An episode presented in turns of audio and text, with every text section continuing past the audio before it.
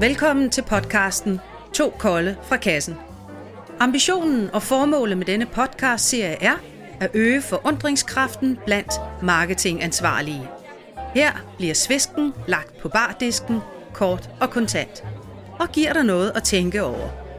I studiet, eller skulle vi sige bag baren, møder du Joachim Ditlev og Søren Snedler, der er partnere i konsulentfirmaet Mesbar.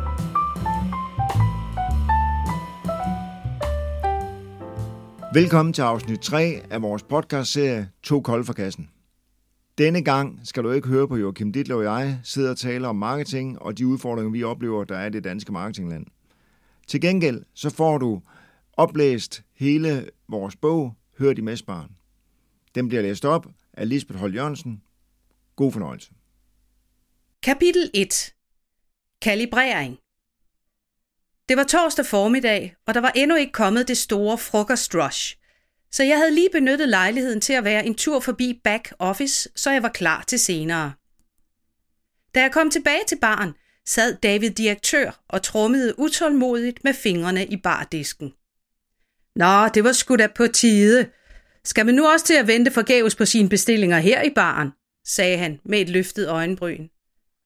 Naturligvis ikke, sagde jeg og skænkede straks en stor af den sædvanlige, og serverede den med en, her er vist lige det, som du har brug for. David tog sig en gedin slurk af glasset og kiggede op. Ja, du forstår sgu da, hvad der skal til. Det ligger noget mere tungt med min marketingafdeling. Jeg mener, hvor svært kan det være? Han kiggede sigende på mig, og det var tydeligt, at der egentlig ikke var lagt op til at svare. Det var ikke ment som et spørgsmål men jeg tillod mig alligevel at tage chancen. Ja, jeg ved ikke lige, hvor svært det kan være. Det kan være meget let, hvis du og din bestyrelse har gjort det let for dem.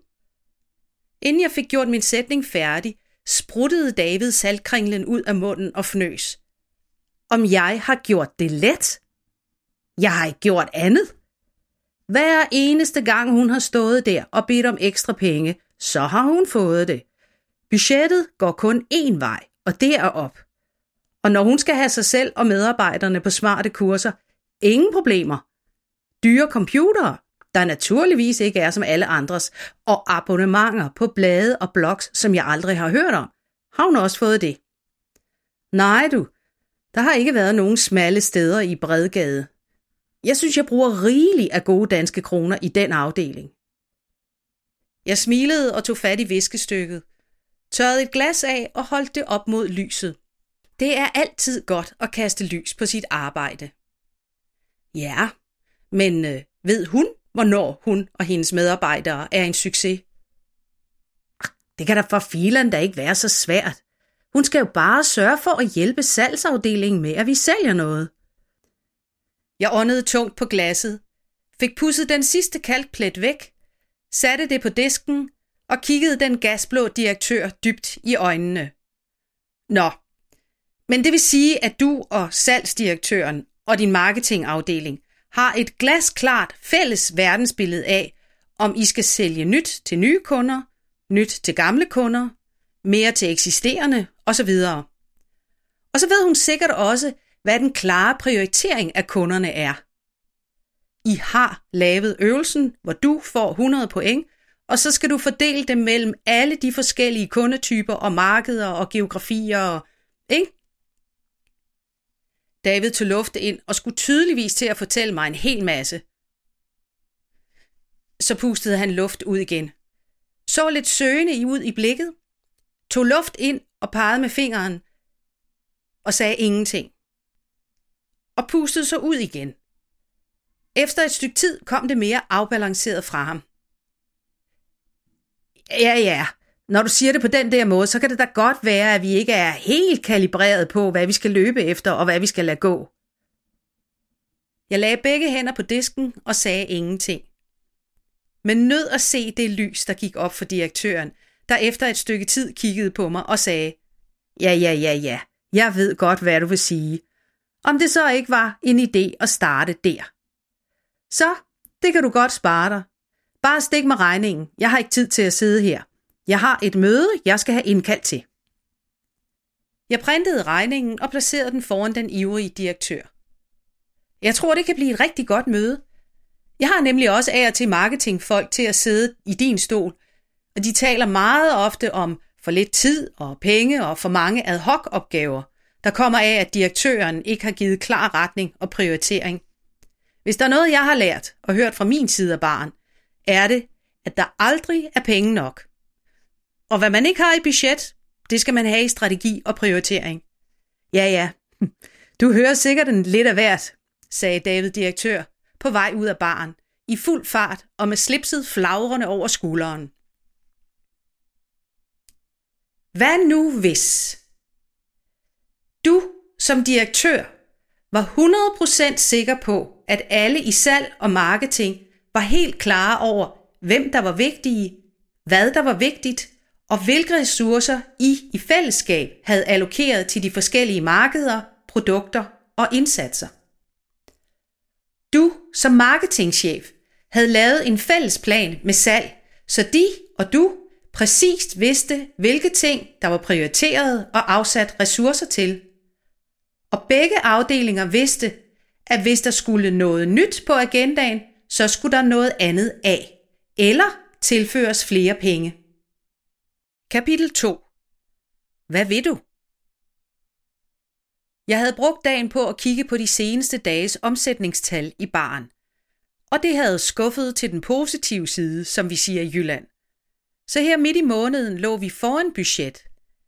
Men jeg havde mere end en fornemmelse af, at det ville blive endnu bedre. Hvad står du der og smiler fjoget af, kom det fra David direktør. Kan du ikke tørre det smil af fjæset og servere mig en kop sort kaffe? Eller americano, som I smarte vist kalder det. Så gerne. Og må jeg ikke smide et stykke chokolade oven i hallen? Du ligner en, der trænger til at få forsødt tilværelsen en smule. Du skulle lige vide, hvor ret du har. Sidste måneds omsætning nåede kun lige budgettet, og her midt i måneden ser det ud som om alle kunderne er gået i hi. Så jeg er begyndt at væsse sparekniven. Nå da, men kan du ikke se, om du henter det tabte her på de sidste 14 dage, spurgte jeg, og gav ham to stykker chokolade. Hvor filen skulle jeg vide det fra? Spørg mig igen om 14 dage, og så skal jeg sige dig det helt nøjagtigt. Ah, I arbejder kun med lagging indicators, sagde jeg, og skænkede endnu en kop kaffe. Hvad for noget lag? spurgte han, og lignede Moses ved det røde hav. Jo, ser du, her i baren arbejder vi med to slags indikatorer for, hvordan forretningen har det. Lagging og leading indicators. Lagging er dem, der viser, hvordan det er gået. Altså, hvor stor var omsætningen, dækningsbidrag osv. De historiske tal, de viser ikke andet end, hvordan det er gået. Dem kan du kalde output. Leading indicators er også historiske, men de peger ud i fremtiden og giver en pejling på, hvordan det vil gå. Fordi du ved, at de data leder videre til nogle andre data, og dem kan du kalde input. Øhm, ja, hvad er det, du plejer at sige til mig? Jo, øh, kan du sige noget mere om det? Jo, altså, grunden til, at jeg allerede nu ved, at det bliver en rigtig god weekend i baren her, er, at jeg kan se, at åbningsraten på vores nyhedsmail har været tårnhøj, og konverteringen videre til vores weekendtilbud ligger også over normalen. Og på Facebook har vi, ud over ekstra mange nye følgere, også haft 20% flere, der har klikket interesseret i.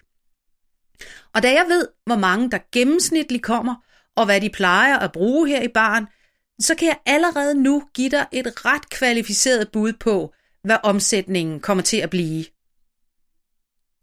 Jeg kunne se, at de små grå kørte på overarbejde ved direktøren. Hvorefter han kiggede intenst på mig og sagde, og på den måde kan du også vide, hvor mange du skal have på arbejde. Bingo! Du har vundet et ekstra stykke chokolade, sagde jeg kægt, og måske lidt for tilfreds med mig selv. Øh, må jeg hugge chokoladen med? Jeg bliver nødt til at skynde mig hjem og tale med dem i salg og marketing. Og væk var han. Men jeg havde stærkt på fornemmelsen, at det ikke var sidste gang den dag, jeg skulle tale måling og effekt. Og jeg fik ret. Sidst på dagen sad Mette marketingchef i baren og vinkede ivrigt til mig, da jeg var ved at betjene en anden kunde. Men jeg ilede over til hende og spurgte, hvad jeg kunne hjælpe med. Øh, kan jeg lige få den omgang, du gav David tidligere i dag? Ja, så gerne. En americano med chokolade. Men plejer du ikke at drikke latte? Jo, for den da. Og selvom det er sidst på dagen, så skal jeg også have den der latte nu. Men, men det var faktisk ikke det, jeg mente. Men mere den der snak om den spokhule, du har. Ah, spokhule er vist så meget sagt. Øh, jeg gør det mest i kaffegrums, smilede jeg, mens mælkeskummeren forsøgte at overdøve med spruttende lyde. ja, den er god med dig, Mette grinede, og slog så en seriøs tone an. Men hvordan er det nu, du plejer at sige? Kan du sige noget mere om det? For chefen mener, at vi fremover kan sige, hvordan kvartalet er gået, inden at vi er gået i gang. Så hvordan leger du fremtidsforsker? Jeg leverede en velvoksen latte med tilhørende chokolade. Der er et gammelt mundheld, der siger, at det er svært at spå, især om fremtiden. Og fremtidsforskere ved jo dybest set ikke en skid om fremtiden, men de er gode til at kigge på data og fremskrive dem til vores tid og tiden, der kommer. Og det er blot den fremgangsmåde, I også kan bruge. Altså måle på de relevante indikatorer, der bestemmer omfanget af jeres fremtidige omsætning. Nå, ja ja, men det har jeg længe sagt til ham. Med alle de likes, vi får på vores opslag på sociale medier, så er det jo kun et spørgsmål om tid, før vi tjener kassen, sagde Mette og så vel tilfreds ud. Ja, det er kun et spørgsmål om tid, men det kan godt blive lang tid, hvis det er dit eneste målepunkt. For likes på sociale medier i sig selv siger vel ikke så meget. Men hvis nu du og salgsdirektøren fandt alle de relevante målepunkter på kunderejsen fra koldt emne til varm ambassadør, og så begyndte at blive klogere på det, så vil du også vide, hvor du med størst effekt kunne bruge dine salgs- og markedsføringskroner. Og både du og salgsafdelingen ville vide, hvor det kører og hvor det halter, hvis du forstår sådan en, sagde jeg og kiggede hen over brillekanten. Ja, for huv. Og så kan jeg jo endelig vise, at salgsafdelingen dræber alle de gode leads, sagde Mette og blinkede indforstået. Eller du kan sammen med salg vise direktøren, hvordan hver en krone i salg og marketing kommer mange gange igen, og at det er benzin på motoren mere end en tung klods i omkostningsbudgettet, sagde jeg og tog hendes tomme glas. En refill eller måske noget køligt med procenter? Nej tak, jeg har lige noget, jeg skal have kigget på i aften inden ledermødet i morgen, sagde Mette og smed pengene på disken. Keep the change. Mens jeg slog købet ind og smed de rigelige drikkepenge i vinkøleren til samme formål, tænkte jeg over, hvordan jeg skulle få Mette og David til at gå i barn sammen. Det ville der virkelig være penge i. Hvad nu hvis du som marketingchef kunne vise og bevise værdien af marketing, og hvor din afdeling konkret betyder noget for forretningen. Du som direktør kunne blive endnu skarpere i dine forventninger til forretningens udvikling, og dermed erstatte mavefornemmelsen med datadrevne beslutninger, som du skal tage, aggressive eller defensive. Kapitel 3 Money, money, money en sen eftermiddag stod Mette marketingchef i baren. Hun tog et ordentligt sip af sin chardonnay og bankede glasset ned i bordet. Så udbrød hun. Hvorfor skal mine folk løbe så stærkt? Jeg har tre mand til at fodre 12 sælgere med leads. Vi skal udgive kataloger og nyhedsbreve på fire forskellige sprog. Og så er der web, messen i Hannover og alle de præsentationer, som vi skal shine op. Jeg har brug for mindst to medarbejdere mere. Fra den anden side af bardisken løftede jeg blikket. Men hvor stort er dit budget i dag? Hun skulle lige regne efter.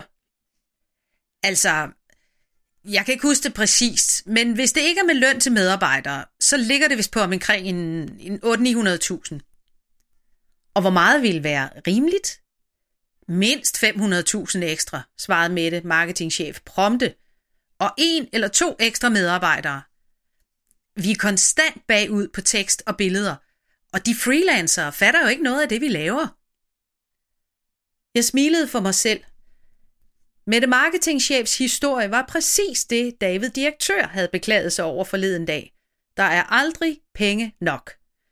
Hvis marketingchefen har en million i budgettet, plager hun om 2 millioner, og hvis hun har to medarbejdere, så vil hun have et team på fire.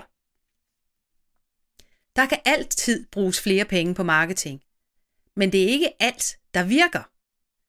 Det er heller ikke altid til at måle, om det virker. Men det er altid lettere at gøre noget mere og bruge flere penge, frem for at skære nogle aktiviteter væk. Mette marketingchef tømte sit glas. Må jeg bede om regningen, sagde hun. Naturligvis. Du har travlt i dag? Ja, vi har altid travlt i marketing, svarede hun, i det hun trak visakortet op af tasken. Og vi halter altid efter. Fordi der kommer en masse gode forslag og hasteopgaver ind fra højre og venstre. Der er simpelthen ikke hænder nok i afdelingen. Men du har travlt med de rigtige ting. Hun kiggede på mig, som om jeg talte i en underlig dialekt. Så hilste hun af og forlod barn, mens hun ringede et ubesvaret opkald op. Mette marketingchef kendte ikke svaret på mit spørgsmål. Hun vidste bare, at hun altid havde travlt og aldrig kunne planlægge mere end et par dage frem. Alle mulige ting var lige vigtige, og hun skulle konstant slukke kollegernes ildebrænde. Et par dage senere satte David direktør sig på præcis den samme barstol som Mette. De er hårde ved mig, sagde han og løsnede slipset. Jeg løftede undrende øjenbrynet og kiggede på ham. Ja, undskyld. Det er min bestyrelse, jeg mener. Vi gik halvanden time over tidsrammen i går aftes. Jeg kunne skære en hel del mere i omkostningerne, mente de. Så nu skal jeg komme med en revideret plan i næste uge. Og en fadøl tak. Jeg skænkede David en kold fra fad. Den første sluk gjorde hans toneleje en smule brødbetynget. Så nu er jeg i gang med at justere og stramme til. Og jeg kom sgu til at være lidt grov over for min marketingchef, erkendte han med et strejf af hvidt ølskum i overskægget. Men det irriterer mig grænseløst, når mine folk bliver ved med, som en ren rygmavsreaktion, at bede om penge. Marketing er de værste. De kan dårligt huske, hvad de brugte budgettet på sidste år. Og jeg kan ikke se, hvad vi får ud af det. Jeg kunne lige så godt grave et hul i jorden og hælde pengene derned. Og det tror jeg, at et par stykker i bestyrelsen vil være enige med mig i. Men du er vel nødt til at bruge nogle penge på marketing, spurgte jeg ham lavmælt. Jo, jo, altså, vi kan jo ikke undvære det. Men hvorfor skal det være sådan en kæmpe udgiftspost at få lavet et par kataloger og en hjemmeside? De kan da bare lige strikke noget sammen, og så, så få det oversat. Marketing skal servicere salg. Længere er den ikke. Jeg kiggede på ham og sagde, det lyder i grunden simpelt, men har du egentlig styr på alle sælgerne? Er de lige effektive alle sammen? Ah, David direktør tænkte sig om. Så simpelt er det heller ikke. De sælgere skal styres, for ellers bliver marketingafdelingen en ønskebrønd. Og hun er nu alligevel god til at sige nej og vinde tid hos sælgerne. Og de er vel ret produktive alligevel. Jeg er bare ikke sikker på, at det er de rigtige ting, hun siger nej til. David tog en ordentlig tår af sin fadøl. Han lignede en, der skulle til at gå en tur med hunden i stormvejr. Nå, pyt. Der skal nok være noget spild i den afdeling, og så går det hele alligevel. Jeg skal bare passe på, at det ikke løber løbsk. I øvrigt, øh, hvem møder United her i weekenden? Jeg grublede over, hvad mon han havde snakket med Mette om. Snakkede de kun om udgifter, eller kiggede de også på, hvordan marketingbudgettet kan bruges bedst muligt? Hvor skulle budgettet flytte dem hen, og hvad skulle de holde op med at bruge penge på? Den snak tror jeg ikke, de havde haft. Hvad nu hvis? Du som marketingchef undersøgte, hvilke marketingsaktiviteter, der bedst kan betale sig at udføre, og bruge det som et oplæg til at skære mindre vigtige aktiviteter bort, i stedet for at bede om mere budget. Du som direktør kiggede på det samlede budget for marketing og salg, for at finde ud af, hvad det koster at skaffe og pleje kunder, og finde ind til, om budgettet bliver fordelt i forhold til, hvad der giver mest værdi frem for det, I plejer at gøre.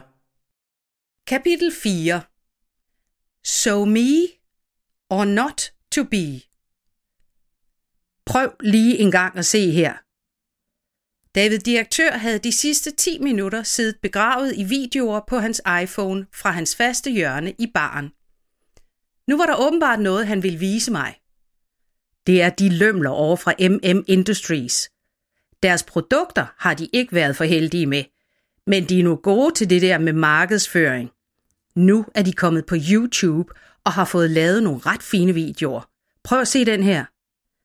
Han vendte telefonen, og jeg så, hvad der må have været en case-video med en af konkurrentens kunder. Var den skudt i en anden vinkel, vil man sikkert kunne se en af medarbejderne pege på kunden med et oversavet jagtgevær. Så konstrueret var skriptet. Men produktionen var flot, og den havde sikkert været dyr.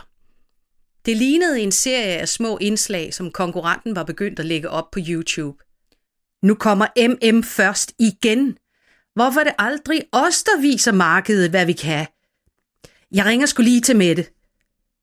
Heldigvis for Mette marketingchef røg den på svaren. David lagde på og sagde drømmende.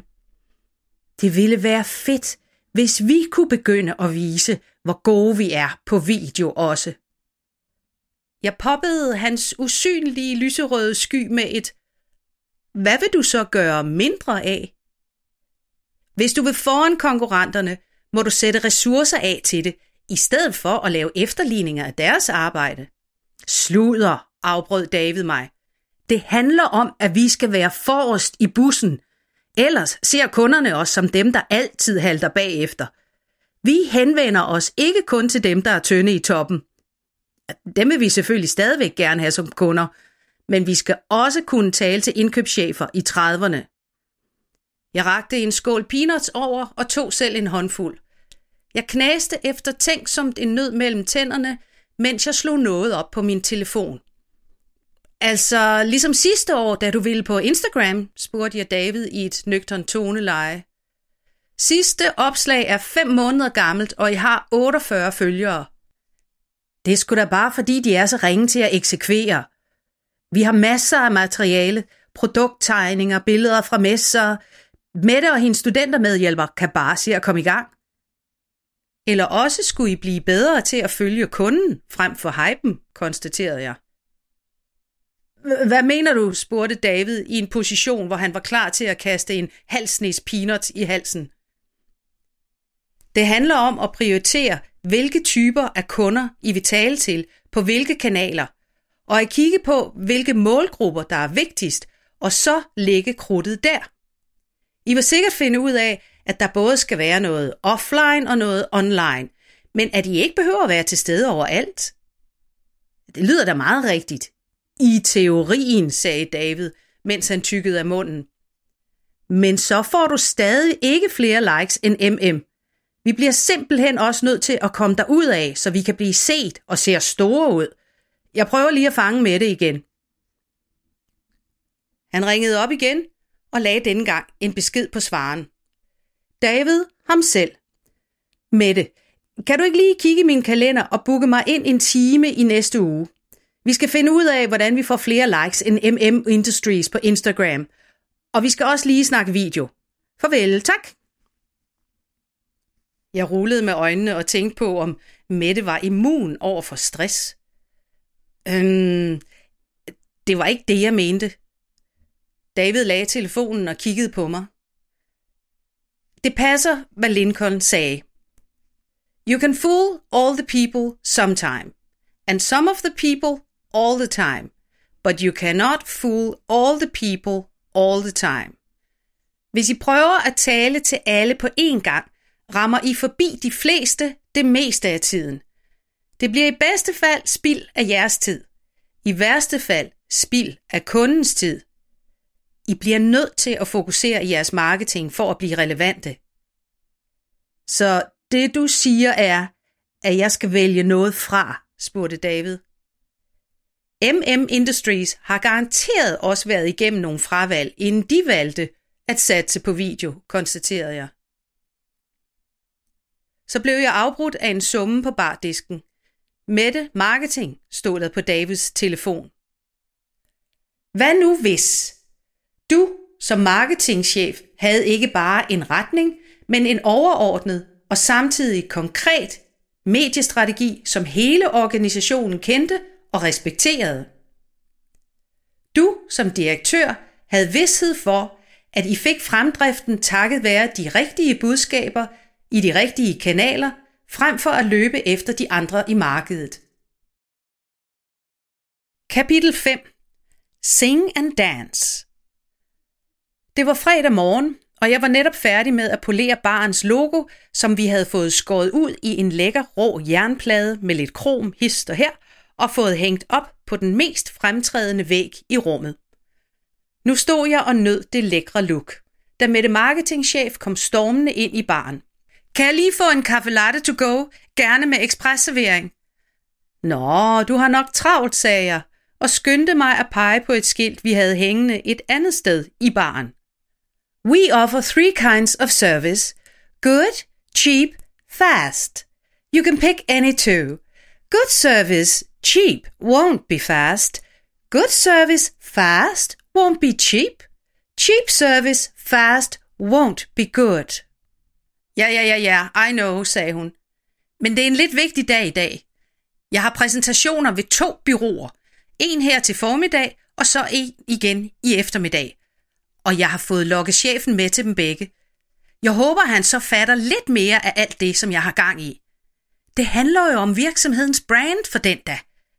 Det er ikke lige meget, hvordan vi ser ud, når vi skal ud og vinde nye markedsandele.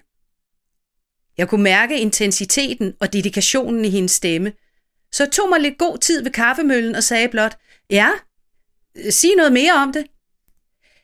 Jamen, jeg skal have min direktør til at fatte, at vores afdeling ikke bare er afdelingen for spøg og skæmt. Jeg er træt helt ind til maven i mit skinneben af at lave ad hoc opgaver og konstant høre på, Mette kan I ikke lige? Mette lavede et ansigt, som jeg ikke havde set før, og fortsatte. At det er ikke fordi, jeg ikke gerne vil lave både messestand og en opgradering af vores powerpoints. At guderne skal vide, at de trænger til det. Men inden vi går i gang, skal vi ligesom have fundamentet på plads. Billedstil, farver, typografi og alt det andet. Og så kan vi gå i gang med at lave salgskampagner, der virkelig flytter noget. Så derfor har jeg lukket chefen med til de to byråpitches i dag. Så kan de prøve på at få ham til at forstå det store billede. Nå, men det lyder da til at være en spændende dag. Jeg har givet den et dobbeltshot, det kan jeg høre, der bliver brug for, sagde jeg, og satte top på to-go-koppen. Tak for kaffe, og wish me luck, sagde Mette, og så var hun væk. Ja, tak for kaffe, tænkte jeg. Den slags møder kan både blive en pige og en dreng. Så det var en spændende fredag, der ventede.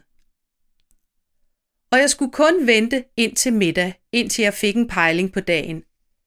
Ved middagstid kom David, direktør, stormende ind og satte sig på baren. Kan jeg lige få den der houseburger og, og en lille fadøl? Og lad det lige gå lidt hurtigt. Nej, vent. Giv mig en stor fadøl. Formiddagen skal lige skylles ned. Nå da. Hård formiddag, sagde jeg spørgende og kiggede hen over brillekanten, mens jeg tastede bestillingen ind. Ja, det kan du bide dig i næsen på.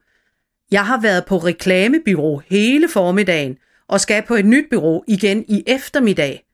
Og det var sgu en oplevelse. Altså, udover at jeg tydeligvis skulle have haft min sorte rullekravtrøje eller mit malertøj på for at have passet ind, så var det på alle måder en alternativ oplevelse. Ja, sig noget mere om det, sagde jeg og langede fadøllen over disken. Ja, hvor skal jeg starte? Altså, jeg havde glædet mig til at se et oplæg til, hvordan vi får solgt noget mere og udkonkurreret vores middelmådige kolleger på markedet.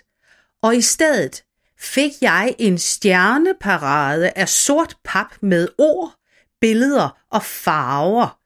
Jeg kan godt forstå, at det bureau skulle have så mange mennesker med til det møde. Der blev jo flyttet sort pap rundt i en uendelighed. Kæmpe pap og et A3-print på hver. Jamen, jeg siger dig. Der var ikke den følelse, ham den kreative chef, eller hvad han nu var, kunne få ud af krumningen på bogstaverne. Hvor herre bevares. Der var åbenbart ikke en skid af det, vi har i dag, der dur. De virkede oprigtigt bekymrede for, om virksomheden kunne overleve måneden ud, hvis ikke vi fik et nyt logo og nye farver. David tog en voksen tår af fadøllen og fortsatte. Farver kunne de godt nok også tale længere om. Primære og sekundære og smy, eller hvad fanden det var, de kaldte det. Ethos, patos, og jeg skal komme efter, der skal jeg. Jeg måtte også lige pointere, at den primære farve for mig er farven på bundlinjen, og den skal være sort, ligesom min kaffe. Så skulle du se de der byråsnuder. De havde nær fået deres kaffe latte galt i halsen. Hold kæft, det var lige før, det var det hele værd. Men hvorfor filen skal det være så kunstigt? Hvis ikke det sælger, så er det ikke kreativt. Så enkelt er det for mig. Spørgsmålet er, om vi overhovedet har brug for noget nyt. Så er der husets burger, sagde jeg og fortsatte.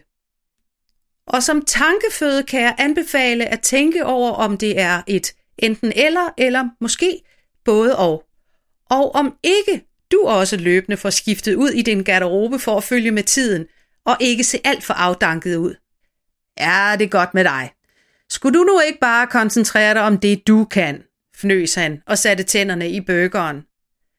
Det er et super råd, du gav mig der, sagde jeg og toppede fadøllen op. Det er altid en god idé at have respekt for hinandens specialkompetencer, og lade eksperterne gøre det, de er hyret til. Jeg blander mig for eksempel ikke i kokkens arbejde. Han og jeg ved, at hvis vi arbejder godt sammen og bliver enige om, hvor vi vil hen med forretningen, så bliver det meget nemmere at gøre vores arbejde hver især. For der er nok, der kloger sig på andres arbejde, uden at kunne gøre det selv. Nå, men øh, velbekomme. Jeg sætter det bare på regningen. Jeg kunne se, at mit lille vink med en vognstang havde sin effekt, og burgeren blev fortæret i eftertænksomhed. Og lur mig, om ikke med det marketingchef og det næste bureau ville have lidt bedre chancer. Det tror jeg. Men sådan er verden så uretfærdig. Hvad nu hvis du som marketingchef var fuldstændig kalibreret med din direktør i forhold til mål, midler og indsatser? Du som direktør var sikker på, at marketing kendte og handlede ud fra de forretningsmæssige mål. Kapitel 6. Holder holdet. Det var tæt på lukketid, og de fleste var gået hjem. Jeg begyndte at rydde bordene. Over ved læderstuen lå et sammenfoldet stykke af fire på sædet. Det må være glemt. Var det ikke der, David direktør og hans marker fra logen havde siddet? Jeg foldede papiret ud. Det var en jobbeskrivelse. På en marketingprofil så det ud til. Hold da op, der var mange bullets under arbejdsopgaver, og et par stykker mere var blevet tilføjet med kuglepen. Skarp pen stod der. En hej til søgemaskineoptimering, erfaring med LinkedIn og andre sociale medier, kendskab til e-handel og webanalyse og eksekvering af lead generation kampagner sprang i øjnene blandt de mange bullets. Længere nede faldt jeg over ordene robusthed, fleksible arbejdsdage og holde mange bolde i luften. Jeg smilede. Det var helt sikkert David Direktør, der var på jagt efter sin digitale svejserkniv. Jeg gad nok se den kandidat, der kunne leve op til alle de krav. Et par dage senere kom Mette marketingchef forbi baren ud på eftermiddagen. Hun åbnede laptoppen og tog et sip af sin dansk vand. Jeg forstår simpelthen ikke de her rapporter, udbrød hun og scrollede videre. Altså, jeg forstår godt, hvad der står, men er det godt eller skidt? Jeg tror ikke, jeg er helt med, sagde jeg forsigtigt, mens jeg tørrede et ølkrus af. Nå nej, selvfølgelig. Men det marketingchef forklarede sig. Jeg har fået kvartalsrapporten fra mit SEO-bureau, otte sider med en masse tabeller. Vi er gået fem pladser op på formstøbte plastikemner, og en op på PVC-fremstilling. Resten ser ud til at være det samme. Jeg kan virkelig ikke gennemskue, hvor vigtigt det er. Tror du, det er de 40.000 kroner hver i kvartalet? Pssst, lød det i det samme fra glasspuleren. Jeg tog det næste glas op og tørrede videre, mens jeg trak på skulderen. Det er altså svært at være ekspert på det hele. Jeg gad virkelig godt, at jeg havde mere overblik og nogle specialister i huset, jeg kunne trække på. Men det ville hurtigt blive et stort team, funderede med det marketingchef. Så måske er det fint nok, at de her SEO-folk er i gang. Men jeg har på fornemmelsen, at jeg kaster dumme penge efter dem. Jeg tør bare ikke lade være. Vores største konkurrent arbejder også med SEO, ved jeg. Jeg kom i tanke om den jobbeskrivelse, David direktør havde glemt forleden dag. De kunne umuligt være på vej til at erstatte Mette marketingchef. Eller kunne de? Hun så virkelig ud til at give den gas og kæmpe for firmaet. Men noget kunne tyde på, at hun løb uden rigtigt at komme nogen steder. Var der overhovedet nogen, der kunne fortælle, hvilken vej hun skulle løbe?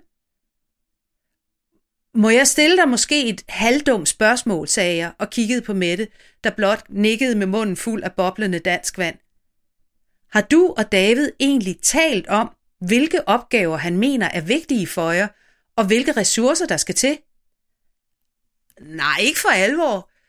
Det bliver altid sådan nogle lidt ukonstruktive snakke om alle de steder, hvor vi kan gøre det bedre. Kombineret med, at David synes, at vi i forvejen bruger for mange penge. Men jeg ved allerede, hvad du vil sige. Interessant, sagde jeg, og vred viskestykket en ekstra gang rundt i glasset og kiggede spørgende på hende. Ja, du vil sige noget om, at vi skal blive enige om mål, prioriteter, indsatser, budget eller noget i den retning. Ja, så er I i hvert fald godt i gang. Og så tror jeg også, at I vil have glæde af at tale om, hvilket hold I skal sætte. Du kan ikke alt. Det er der faktisk ikke ret mange, der kan. Måske skal I have en SEO-nørd, en online specialist eller bare en god gammeldags grafiker. Det skal jeg ikke gøre mig klog på her en sen aftentime. Jeg ved bare, at selvom jeg kan løse rigtig mange opgaver her i baren, så gør jeg det ikke. Vi er et team. Mette marketingchef sprang ned fra barstolen. Og for helt da også. Er klokken så mange? Jeg skal hjem. Jeg skal også nå at skrive teksten til nyhedsbrev, når jeg har lagt ungerne i seng. Men tak for snakken. Jeg tror, du har en pointe. Vil du ikke smide det på regningen? Jeg må løbe. Og væk var hun. Jeg håbede i mit stille sind, at hun og David direktør ville få den snak. Den var tydeligvis tiltrængt for dem begge. Hvad nu hvis du som marketingchef havde en rød tråd i, hvilke målgrupper og aktiviteter du skulle prioritere, og dermed være sikker på, at du satte det rigtige hold af medarbejdere, freelancere og byråer. Du som direktør havde det samlede overblik over omfanget af opgaver, og om du havde det rigtige hold. Kapitel 7. Trin for trin. Ja, jeg er så ked af det, men jeg bliver nødt til at læse af. Mette marketingchef havde haft en hård dag. Det var tydeligt at se. Hun tog en mandeslurk af sin chardonnay og så sig ikke tilbage. Det er Johan, ham countrymanageren fra Sverige. Han driver mig til vanvid. I dag har jeg brugt halvanden time i møde med ham, hans sælger og en teknisk konsulent. Det var Johan, der havde indkaldt, og agendaen var salgsfremstød i Sverige.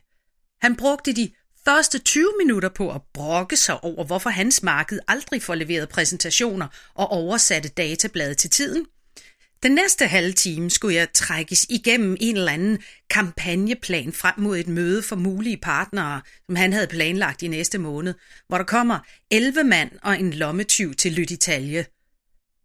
Jeg kiggede undrende på Mette marketingchef. Øhm, Sødertælje? Ja. Var det ikke det, jeg sagde? Øh, øh, whatever. Mette var tydeligvis frustreret over situationen. Det var vist bedst bare at lægge øre til i dag.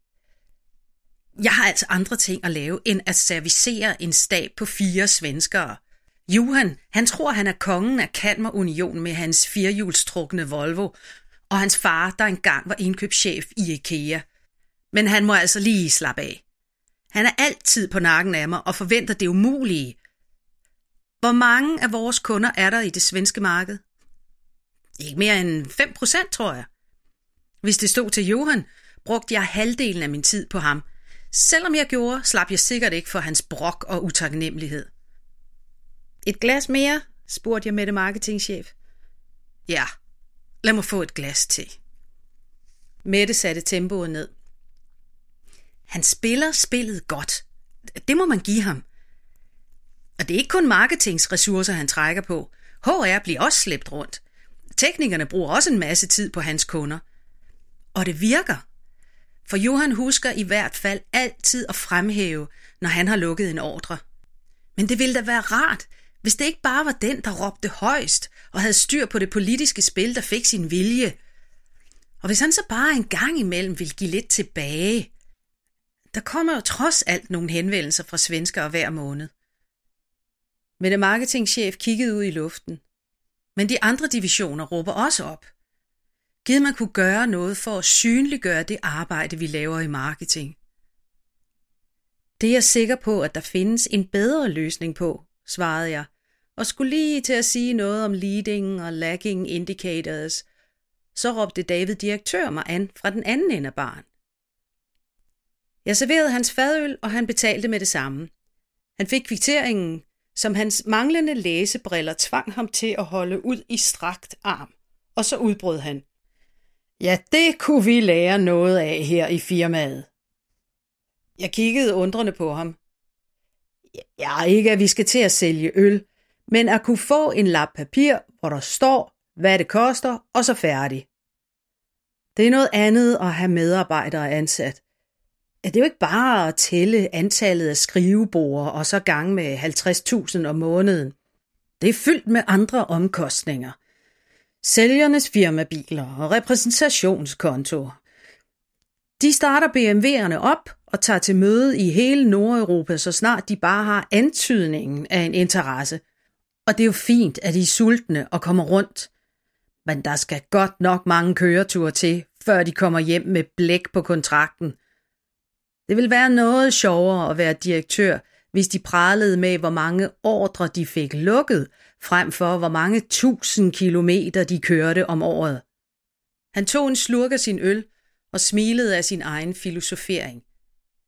Men kan I ikke bare måle, hvor meget hver sælger omsætter for, forsøgte jeg, mens mit blik fangede en næsten ulæselig kvittering på bardisken, som var blevet fugtig af kondensen af ølglasset. Det er ikke indtægterne, der er issueet. Det er de omkostninger, der følger med et salg.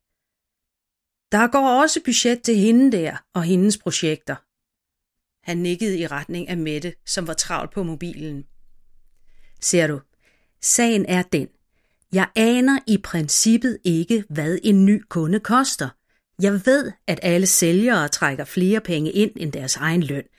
Ellers så kunne de ikke være her. Men om det er bedre at kunne svare sig at bytte en sælger med firmabil og repræsentationskonto ud med en marketingmand med Google-budget, det kan jeg jo kun gætte mig til. Jeg kiggede fast på David direktør og sagde, David, jeg har en idé til, hvordan du kan finde ud af det. Har du hørt om at opdele kunderejsen som en trappe med målbare indikatorer? Jeg tørrede hurtigt bardisken af med viskestykket og lagde min blok frem, som jeg begyndte at tegne på. David lænede sig interesseret frem i barstolen. Hvad laver I? lød det nysgerrigt fra Mette marketingchef, som satte sig på barstolen ved siden af David. Hvad nu hvis du som marketingchef kunne synliggøre, hvor du og din afdeling tilfører mest værdi til forretningen? Du som direktør kunne få et overblik over, hvor du fik størst ROI, Return on Investment, på din salgs- og marketingsindsats. Og hvad hvis nu I begge to fik en fælles opfattelse af, hvordan situationen var, og aftalte prioriteter for, hvad I skulle gøre ved det?